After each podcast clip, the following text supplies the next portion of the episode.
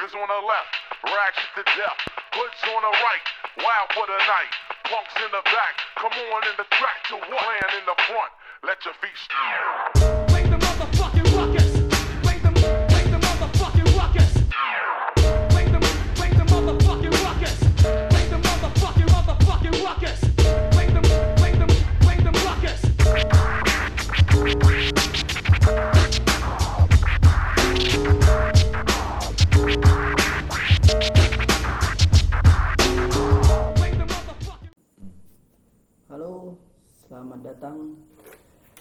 Para pendengar podcast Serangan Balik. Hari ini episode ke episode, episode ke- ketiga. ketiga dari empat podcast kita yang udah direkam ya. Uh, hari ini kita bakal ngebawain te ada temanya, ada temanya. Kita mau, mau ngomongin salah satu legenda sepak bola Brazil. Mungkin untuk banyak orang kurang kurang familiar lah di telinganya. Iya, ada yang ada yang menganggap kalau ini kurang familiar. Ada yang menganggap ini lebih mencolok dibanding Rekan-rekan ah sepak bola Brazil yang lainnya. dia mungkin. Karena kalau kita tahu pemain Brazil itu kan selalu identik dengan uh, freestyle, samba, Hmm. teknik individual yang jago. Uh, terus dia pun bisa dibilang uh, lahir di era emas Brazil. Tapi sayangnya hmm, era emas Brazil yang waktu dia hidup tuh tidak sempat merasakan uh, Piala Dunia, juara, juara Piala Dunia khususnya gitu kan. Mungkin tak ada yang tahu lah ya. Dia itu namanya Socrates Socrates namanya tuh mirip-mirip dengan filsuf filosof Yunani itu. Iya, Greg. Mungkin bapaknya atau emaknya ngasih nama tuh mungkin terinspirasi dari Iya lah, aku dengar-dengar dengar nggak salah tuh nanti kita bakal masuk bagian itu. Tapi kalau setahu aku tuh dia bapaknya yang suka tentang ya filsafat Yunani. Nah, jadi seangkatan siapa ya? Mungkin. Zico, Zico. Iya, Zico. Mm-mm. Ya dia pun kalau dibilang pemain salah satu pemain tercerdas lah. Dia yang bisa dibilang tuh kayak dia itu kan pemain tengah kan, Mm-mm. tapi dia juga sering bantu serangan ya. Serangan. Dia mungkin aku rasa dia bisa dibilang Requarista mungkin bisa, tapi mungkin tahun 80-an 70-an akhir tapi 80-an awal tuh dia belum ada lah aku rasanya kayak yang nomor 10 Nomor 10. Requarista istil- istilahnya kayak Zidane yang Iya. benar-benar seorang eh, ibaratnya kayak yang mengatur tempo pertandingan segala macam tapi aku rasa Socrates tuh bisa bilang mirip-mirip kayak gitu lah Untuk di zaman itu lah. Iya, dia, dia bisa dibilang proto trequarista sebelum ada istilah fuck motor. sebelum ada istilah trequarista itu mungkin dibilang ya protonya trequarista dia bisa dibilang gitu si Socrates ini. Ya, meskipun Socrates ini belum pernah pernah ngangkat piala dunia pun dia ini kayak udah kayak idola buat itu buat untuk orang-orang Brazil Iya. Dia dia kan dari aktifnya dari tahun 74 ya. 74 sampai ya 80-an akhir sampai 90-an gitu kan. Dia mainnya. Dan dia ini unik sih bagi aku Socrates ini. Soalnya dia dia bisa seingat aku tuh dia tuh eh, pesepak bola yang bisa dibilang telat booming. Eh, di umur 24 tahun. Iya, dia, dia dia tuh bisa dibilang bukan pesepak bola yang benar-benar apa bakatnya itu udah kelihatan dari awal. dari akademi Ah. mungkin dia nih kelihatan jago nih di gang-gang Iya, Nah, mungkin dia pemain-pemain komplek Pemain- gang muda-muda Ah. muda-muda gang gitu kan istilahnya gitu. pakai tingginya semeter Semeter 45 main lapangan debu gitu kan. Hmm. Tapi kalau di sekarang tuh mungkin dia kayak Fardi mungkin aku rasa. Jimmy Fardi. Hmm, telat, Jimmy- telat. Pemain yang tipikal telat terus ngebung. Ngebung, gitu. ah. Ah. Tapi ada yang membedakannya dengan pemain yang selain jago di lapang hijau, apa sih yang buat Socrates ini bisa banyak dikenal sama orang? ya karena kan kita dengar-dengar tuh dia tuh membuat sepak bola tuh jadi berbeda karena dia selalu memanfaatkan ide-ide dia di dalam klub Hmm. di dalam sepak bola tuh untuk jalan politik dia lah Hmm. Hmm. salah satunya itu ya dia sepak bola pun bukan karena duit karena Hmm. apa dia memang ngelihat bahwa sepak bola ini bisa kok jadi platform buat perjuangan untuk masyarakat masyarakat di Hmm. Brazil apalagi mungkin sana banyak anak-anak yang yang kurang mampu untuk Hmm. mencapai itu kan mungkin dia berjuang di situ dan yang uniknya nih aku lihat dari Socrates nih basic pendidikannya itu dia tuh se seorang eh, medical degree. Dia tuh punya punya apa punya basic tuh sekolah medical degree kayak atau kayak di Indonesia kan mungkin setara dengan kedokteran ya? Kedokteran. mungkin setara dengan kedokteran kayak gitu. Makanya dia eh, lebih identik dengan disebut dokter dokter ya karena basic dia sebagai seorang eh, kedokteran itu kan kuliahnya sebagai akademisi kedokteran gitu dan nama panjangnya pun aneh Gila, panjang. Ini kalau Nama panjang kalau, itu?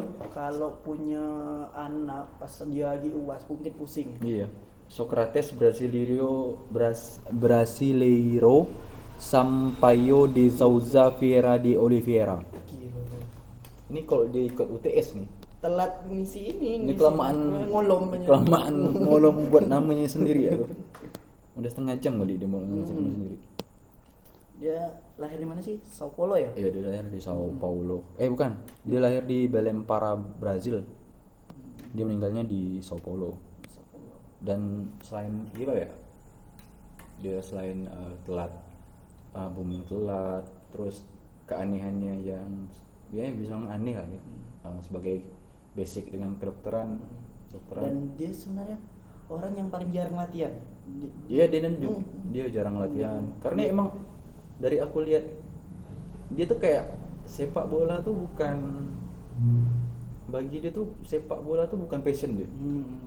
dia lebih ya kayak gue bilang tadi dia tuh memanfaatkan sepak bola karena sepak bola itu kan bisa dibilang olahraga kelas pekerja ya Iya. kelas pekerja yang mempertemukan segala macam eh, jenis kelamin, gender, eh, warna kulit apa segala macam itu digab non- nonton sama-sama misalnya gitu kan.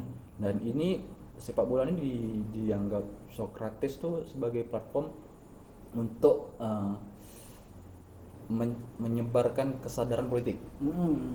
nah ya aku rasa tuh kayak gitu. Apalagi di zaman itu kan lagi ya era kediktatoran Brazil. era militer lagi kan. Mm-mm. dan pemberangusan segala macam bentuk Iya. ide-ide yang menyimpang dari rezim lah kan. Iya. Oh, ya, kok mirip ya? Oh. Ya ibaratnya Socrates nih hidupnya tuh di era pasca pasca 65 lah ya, Hmm. kalau di Indonesia tuh kan. Walaupun dia tahu sama sih 70-an gitu kan. Indonesia pun kayak gitu kan 70-an kayak gitu. Di mana uh, segala macam yang berbau ideologi kiri itu diberanguskan sama Berangus, ya. diktatoran militer kan. Ya itu juga sama dengan apa yang terjadi di Indonesia. Kayak gitu kan. Nah, uh, yang ngebuat apa sih yang buat menurut kau yang perjuangan dia tuh kayak gimana sih? Yang digunakan dia gunakan platform sepak bola nih sebagai platform dianggap tuh uh, sebagai misalnya tuh alat lah di bagainya untuk menyebarkan kesadaran politik.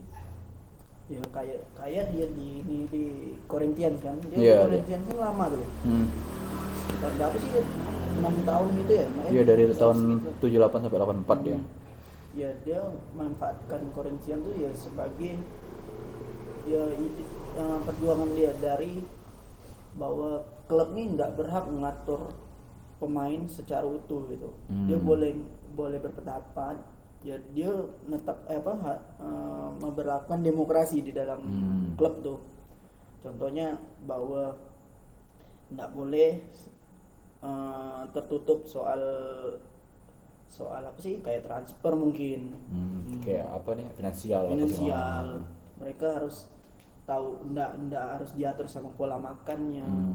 ya mungkin untuk ide kayak gitu tuh di sepak bola modern sekarang tuh udah nggak bisa gitu Mm-mm. Karena Ya. ya sekarang kan udah benar-benar terbagi Hmm. ya sepak bola tuh ya cuma main ya main latihan main latihan main latihan sama sponsor itu apa kata-kata yang melekat tuh yang bahwa sepak bola tuh hanya 90 menit Hmm. sedangkan hidup tuh terus berjalan Hmm, lebih jadi dari tuh- 90 menit sepak bola tuh tidak tidak terlalu penting bagi dia eh gimana sih tidak terlalu gimana gimana lah ibaratnya. Jadi tuh sepak bola tuh jadi alat dia tapi yang harus di dicapai itu ya kehidupan selanjutnya. Hmm. Ada istilah tuh mungkin bisa disimpulkan tuh dia bilang dia nganggap kalau kehidupan sepak bola tuh penting bagi dia. Tapi ada yang lebih penting dari sepak bola Iya, yaitu iya. kemanusiaan misalnya Kemanusiaan, kayak nah. permasalahan uh, politik yang mengancam kemanusiaan apa segala macam itu mungkin gitu kali ya Iya, pendapatnya. gitu. Hmm. Dan aku suka dia nih ya salah satu gelandang produktif. iya Hmm. Ya, dengan torehan golnya ya untuk sepak bola sekarang tuh modern tuh mungkin macam Lampard macam itu Iya. kan salah satu gelandang itu eh, produktif. Hmm. Jadi itu bukan cuman bisa ngalirkan bola tapi bisa nyetak gol dia pun sempat jadi kapten kan jadi kapten. tahun 82 pas Piala Dunia tahun 82 Kayaknya kan enggak juara ya. enggak enggak juga Kalah penalti kalau salah aku Iya. lawan Italia. iya tadi ya, Italia. Dan jadi sempat bergabung di Fiorentina kalau tak salah. Iya tapi cuma beberapa match gitu Cuma udah lama. 25 match Iya, gitu. enam- Iya, enam memang gol. memang anehnya tuh unik bukan aneh. Dia kalau pergi ke Italia itu cuman pengen belajar, belajar filsafat, pengen belajar perjuangan gimana perjuangan di Italia untuk diterapkan di Ah, Brazil. Oh iya. Iya aku pun sep- sempat dengar tuh tentang alasan dia si Socrates nih ke ke Italia. Waktu itu Fiorentina ya? Fiorentina. Ke Italia, Fiorentina. Alasannya itu dia cuma pengen belajar ataupun tahu tentang Antonio Gramsci. Hmm. Dia karena kayaknya dia bisa dibilang dia tergigil dengan Antonio Gramsci lah. dan di mana di mana pas di saat eh, di saat itu pemain pada dikasih mobil mewah eh, fasilitas Hmm. mewah dia enggak cuman cuman pengen ada ada perpustakaan Hmm. pengen waktunya dihabiskan untuk bermain bola dan dan belajar buat membaca. membaca jadi itu yang menarik buat ya pribadi sih buat aku gitu ya ini panutan sekali lah untuk untuk ide-idenya untuk Ya karena kayak gimana ya? Di sepak bola modern sekarang ya. eh, kebanyakan pemain itu kan gajinya kan tinggi. hmm, Bahkan ya kita tidak usah ngobrolkan tentang Ronaldo yang gajinya tinggi apalagi kayak fee-nya di luar kayak Sponsor. Instagramnya satu postingan dibuat di iklannya tuh bisa sampai 3 sampai 4 M satu postingan gitu kan. Nah, gimana apa sih yang membuat gimana bisa seorang Socrates, seorang sepak bola tenar yang bisa dibilang uh, salah satu gelandang terbaik di generasinya. Yang pastinya lah punya upah itu di atas rata-rata kelas pekerja lainnya yang dia kerja kerja serabutan ataupun kerja di pabrik segala macam bisa punya rasa solidaritas tinggi dengan uh, pekerja lain yang walaupun uh, notabene sama-sama pekerja ya sepak bola kan ya pekerja kan? Hmm. jadi di upah tapi beda beda jumlah upahnya. Tapi bisa peduli dengan uh, uh, kelas pekerja lain yang upahnya jauh di bawah dia. Sedang gitu dan kalau kita lihat bandingan dengan sekarang uh, gaya lifestyle ya hmm, sepak bola pemain sepak bola sekarang tuh ya ada sih beberapa yang masih eh, punya kesadaran tentang isu-isu sekitar mereka. Ah, basis kemanusiaan. Contoh kayak si si Saudi Sadio Mane. jadi mana Iya Sadio Mane itu bisa dibilang aku aku mungkin nggak nganggap dia seradikal eh, Socrates, tapi dia tuh kayak warna baru di dalam sepak bola dunia sekarang nih. Karena dia kan dia dari mana sih? Dari negara Afrika kan? Senegal ya Senegal, Senegal, ma- ma- maaf ya kalau salah. Senegal dan dia ngebangun untuk ya kampungnya segala gaji apa segala macam itu itu benar-benar dimanfaatkan untuk orang-orang di sekitar dia Mm-mm. ya contoh tuh ya kayak Drogba dulu kan Iya, Drogba sempat menghentikan membangun- eh, perang sipil segala macam Iya, itu kan yang membangun kesehatan memperbaiki kesehatan di sana Hmm. ya kalau untuk sekarang pun ya masih banyak sih sebenarnya kalau mau dilihat Iya banyak, cuman ndak ndak ada yang seberani dan seradikal Hmm. seorang Socrates ini. Itu yang ngebuat dia sampai sekarang masih bisa dikenang sama orang. Mm. dan apalagi uh, dia ini paling nolak kalau sepak bola sebagai komunitas Hmm. ya kayak dia menolak Piala Dunia di Brazil Hmm. dia menganggap ya Brazil bukan tempat untuk uh, pestanya sepak bola bukan karena banyak anak-anak yang bakal nggak nggak bisa ngerasakan eu- euforia itu Iya iya, yang benar sih kalau emang kalau kita lihat dari kapan tahun berapa 2014 ya? 2014 Iya Brazil Hmm, kalau hmm. tuan rumah ya nak bantai semua. 71 ya. Nah, yang 71 itu kan Mm. itu sempat sempat gimana ya ada pro kontra apa pro kontra segala macam era itu karena dam efek samping dari eh, penyelenggaraan Piala Dunia itu bakal kena ke orang-orang sekitar. Misalnya itu kayak ada mungkin. ah sipil sipil. Pokoknya daerah kumuh sekitar tuh itu bakal kena eh, gentrifikasi eh, apa namanya keputusan politik untuk melakukan gentri- gentrifikasi kayak pembersihan daerah-daerah kumuh itu kan pasti terjadi tuh kayak olimpiade As- Asian Games pokoknya segala macam eh, yang internasional kayak gitu itu pasti negara yang eh, penyelenggara tuh bakal melakukan gentrifikasi pembersihan daerah kumuh apa segala macam itu kan untuk supaya nama mukanya itu bagus Hmm, ya dianggap penyelenggaraan ini sukses. ah kayak gitu lah Dan selain Piala Dunia pun dia nolak buat FIFA Ballon d'Or ya. Iya, Ballon d'Or, ah, penghargaan penghargaan itu. Menurut mereka enggak eh, menurut Socrates ini enggak perlu kata dia. Mm. Ya enggak ada memperjuangkan apa-apa bagi bagi bagi dia gitu. Cuman popularitas. Ya makanya dia sering kritik Pele bahwa nama besar dia tuh bukan sebagai buat iya iya untuk buat or- ah, makin memperbaiki keadaan lah. keadaan. orang sekitar ya karena mungkin kalau aku rasa tuh Socrates ini tipikal ya radikal radikal underground gitulah Hmm. Sedangkan kalau Pele itu ya orang-orang PSI gitulah yang ubah dari dalam ubah dari dalam gitu nah, di rakyat ya. nah kalau dari rakyat ujung-ujung rakyat dirampok kan gitu. Pele kan ya sedang nggak penjilat kan gitu. Hmm. Nah. Ya. Sorry ya kadarnya yang merasa tapi emang kita kita emang kayak gitu sih Bang. Nah, terus yang paling berkesan tuh selama era eh, selama dia aktif di sepak bola, si Socrates tuh yang di Corinthians. Mm-mm. Sampai Corinthians tuh namanya Corinthians Demokrasi. Karena eh, era itu tuh benar-benar eh, dia tuh kayak mengorganisir Corinthians untuk melakukan kayak gimana ya kayak berkampanye buat menuntut karena tuntutan waktu era itu tuh kan tuntutannya eh, demokrasi langsung Iya demokrasi langsung. dalam arti em, eh, Pemilihan ya. ah pemilihan langsung pemilihan langsung jangan eh, ada lagi nah kediktatoran militer jangan ada lagi eh, militer yang apa nih presiden yang cuma dipilih sama ya militer militer itu Ah, iya. Iya.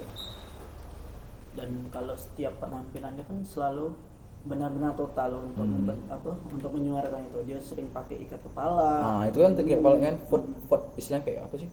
Jangan lupa ikut pemilu, misalnya kayak gitu loh. Kau tuh harus ikut pemilu supaya uh, bajingan-bajingan militer nih bisa lari dari eksekutif eksekutif negara nih, misalnya kayak gitu kan. Itu yang dimau sama si si Socrates dan Socrates Socrates nih bisa dibilang akrab dengan salah satu bisa dibilang tuh aktivis eh, buruh Hmm. di Brazil yang namanya Lula. Lula tuh kemarin sempat ditangkap. Dia pernah sempat jadi presiden satu periode kalau tidak salah aku. Kemudian dia ini dari partai buruh. Ya, Ibaratnya Lula ini emang benar-benar buruh. Dia tidak ada basic kuliah dari ilmu politik F, apa istilahnya itu ilmu politik enggak enggak ada kuliah kayak itu si Lula nih ibaratnya ya buruh biasa pekerja biasa. Cuma dia bagian dari serikat pekerja. Dan dari serikat pekerja itu mereka ngebentuk partai serikat buruh. Senang gitu kan? Nah partai serikat buruh tuh ikut eh, pemilu lah segala macam kayak gitu masuk masuk masuk. Akhirnya dia terpilih jadi presiden segala macam itu. Dan dia dipenjarakan sama si yang sekarang ini Bolsonaro kan? Bolsonaro ini ibaratnya sebelas dua belasnya Trump lah ya rasisnya sama eh, benci sama orang Indian mau ngebakar Amazon demi investasi oh sama tuh Oh, kayak kok mirip ya? Oh, mirip iya. mirip kayak yang di Asia Oh, mirip sama negara Asia, macan Asia ya. Macam Asia Tapi lawan Cina takut ya? nah, Ah, mana lah? ini gitu nih tahu kritik aja ban Oh, ubah dari dalam men. ya kalau lihat aku ya suka lihat kawan dia juga nih mirip-mirip ya kayak Che Guevara menurut aku Hmm. walaupun dia ngefansnya sama Fidel Castro Dia ngefans tuh tiga orang sosok, tapi ah, dia ngefans tiga orang. Castro, si Fidel Castro, Che, sama satu orang. John Lennon. Ya, John Lennon ya iya Ya dia suka sekali sama John Lennon gitu kan. ya memang orang yang suka apa yang memperjuangkan kemanusiaan lah tuh tiga tuh Hmm. ya tapi perawatnya mirip C kan mirip-mirip Iya, mirip sih, kayak brewok, brewok. Hmm. rambutnya ikal oh, kedokteran juga Iya kan? basicnya kedokteran. Basic kedokteran hmm, jadi main bola pun sampai umur berapa sih kemarin yang terakhir di Liga Inggris ya di Enggak, itu bisa dibilang iya enggak cuma itu satu kali. pertandingan cuman Iya kayak ibarat kayak gimana ya? Kayak Lampard pindah ke MC itu. Oh iya. iya. Kau hitung enggak? Mhm. Enggak, kan? enggak gue hitung kan? Nah, ya kayak itu. nah, kayak itu. Dia cuma pindah-pindah gitu aja. Dan gini bisa dibilang alkoholik. Oh iya. Ah. Jeleknya dia tuh ya itu alkoholik. Dia perokok kuat, dia alkoholik. Itu sih. Itu yang mungkin ngebuat dia sering sakit juga. Hmm. Ya karena itu.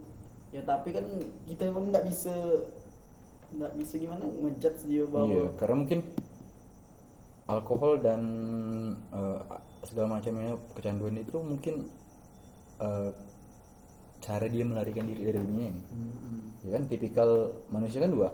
Saat dia tidak mampu eh, ngelihat permasalahan di dunia ini, tidak mampu dia ngerasa dia stuck di dunia ini dengan eh, keburukan dunia ini, dengan kehancuran dunia ini, dengan jelas segala macam apa di lingkungan sekitar dia.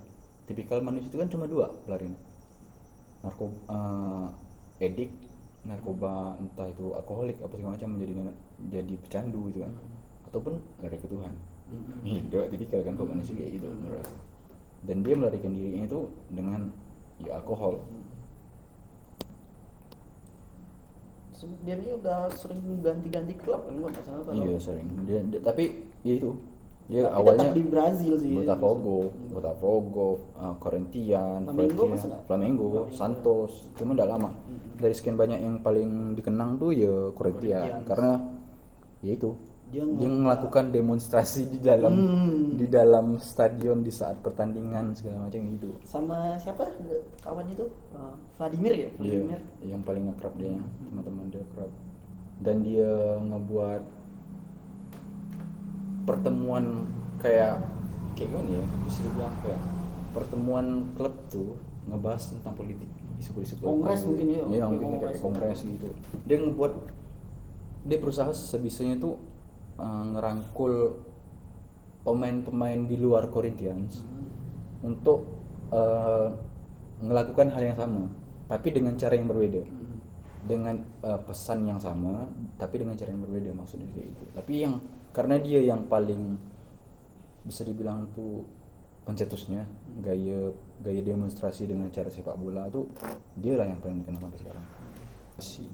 Legenda legenda ya kayak sekarang pun ya orang mungkin jarang-jarang tahu sih kayak ya, maka kita beritahu nih sekarang nih. Iya, mungkin kalau ada sih beberapa artikel yang ngebahas tentang dia segala macam. Ada buku tapi masih pakai bahasa Inggris sih setahu aku tentang tahun 2000 berapa ya? 2000 2014 atau 2016 tentang sok dokter Socrates nih ngebahas tentang dia. Menarik sih banyak mitos-mitos juga aneh-aneh di dalam ini. Aneh sekali selain itu mitos-mitos. Dibilang kayak dibilang di Dublin dia pernah di Dublin segala macam.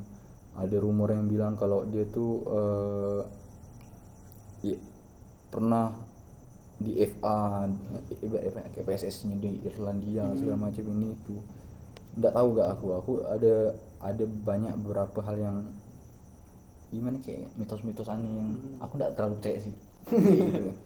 Oh, segitu dulu ya tentang Socrates. Mungkin nanti kalau ada sumber baru atau ada mungkin ada penulis baru kita upgrade lah ah, gitu, mungkin kita bicara bakal dengan- upgrade ditambah ke part 2 mungkin gitu kan. Tapi nanti untuk eh, kayak apa sih? Spoiler dikit lah. Spoiler dikit buat episode nanti itu kita bakal ngebahas tentang Piala Dunia. Iya di Qatar. Itu gawat loh itu gak buat sekali. Banyak. buat kawan-kawan yang mungkin sering sih banyak. Terutama eh, kayak aktivis-aktivis kemanusiaan di Eropa yang mempertanyakan alasan kenapa Qatar mesti Qatar yang dipilih. Padahal kalau kita pikir Qatar kan ya bentrok benar benar bentrok. Karena kalau Piala Dunia itu identik dengan eh, summer Mm-mm. musim panas. Musim panas. pas musim panas. Sedangkan ah, Qatar itu kan di Timur Tengah. Hmm. Timur Tengah tuh musim panasnya jahanam sekali. Panas sekali di sana. Jadi untuk em, supaya pemain itu sehat-sehat ya mainnya enak eh, diundur ke musim dingin. Berarti itu kan bakal ngeganggu ngeganggu, eh, schedule liga. Liga yang lain-lain karena mayoritas liga-liga top-top liga Eropa itu kan eh, musim dingin main iya iya kayak Inggris Mm. Boxing Day, Natal ya main, mereka lebaran ya main, selain itu kan. seminggu bisa tiga empat kali main Hmm, kayak gitu men. Nah, mungkin lalu ke permasalahan Qatar tentang eh, gimana ya kekerasan terhadap pekerjanya. bekerja Mayoritas pekerja pekerja kontrak traktor yang di sana itu kan pekerja buru-buru kasar itu kan dari dari India, dari Sri Lanka ya. Bangladesh, pokoknya Asia Asia Asia Asia Selatan tuh kan. Bangladesh, Sri Lanka, mungkin bahkan ada yang dari Indonesia. Indonesia aku, ada. aku ngecek kemarin data tuh ada banyak yang dari pekerja-pekerjanya itu Indonesia dan banyak yang meninggal. banyak yang meninggal karena memang di Minimnya kesehatan ah, minimnya ah, keamanan kerja mereka, fasilitas keamanan kerja. Lalu juga di sana pun mereka kayak benar-benar dipekerjakan kayak budak. Jadi misalnya ah, visa mereka tuh ditahan sama vendor yang ngambil mereka kayak gitu. mungkin kerja pakai vendor nih emang gimana lah Emang mesti dihapuskan kayak gitu. outsourcing Outsourcing tuh benalu. Kapitalisme tahap, tahap akhir dah tuh. Outsourcing tuh. vendor anjing Ini curhat nih. Oke oke oke oke oke. Sebelum sampai merambah sampai nyebut merek apa nih kan? Nah. Eh, nikmati ya ini eh, ucapan dari Gatuso. Dah, dah. baik, dah. Sometimes maybe good, sometimes maybe shit.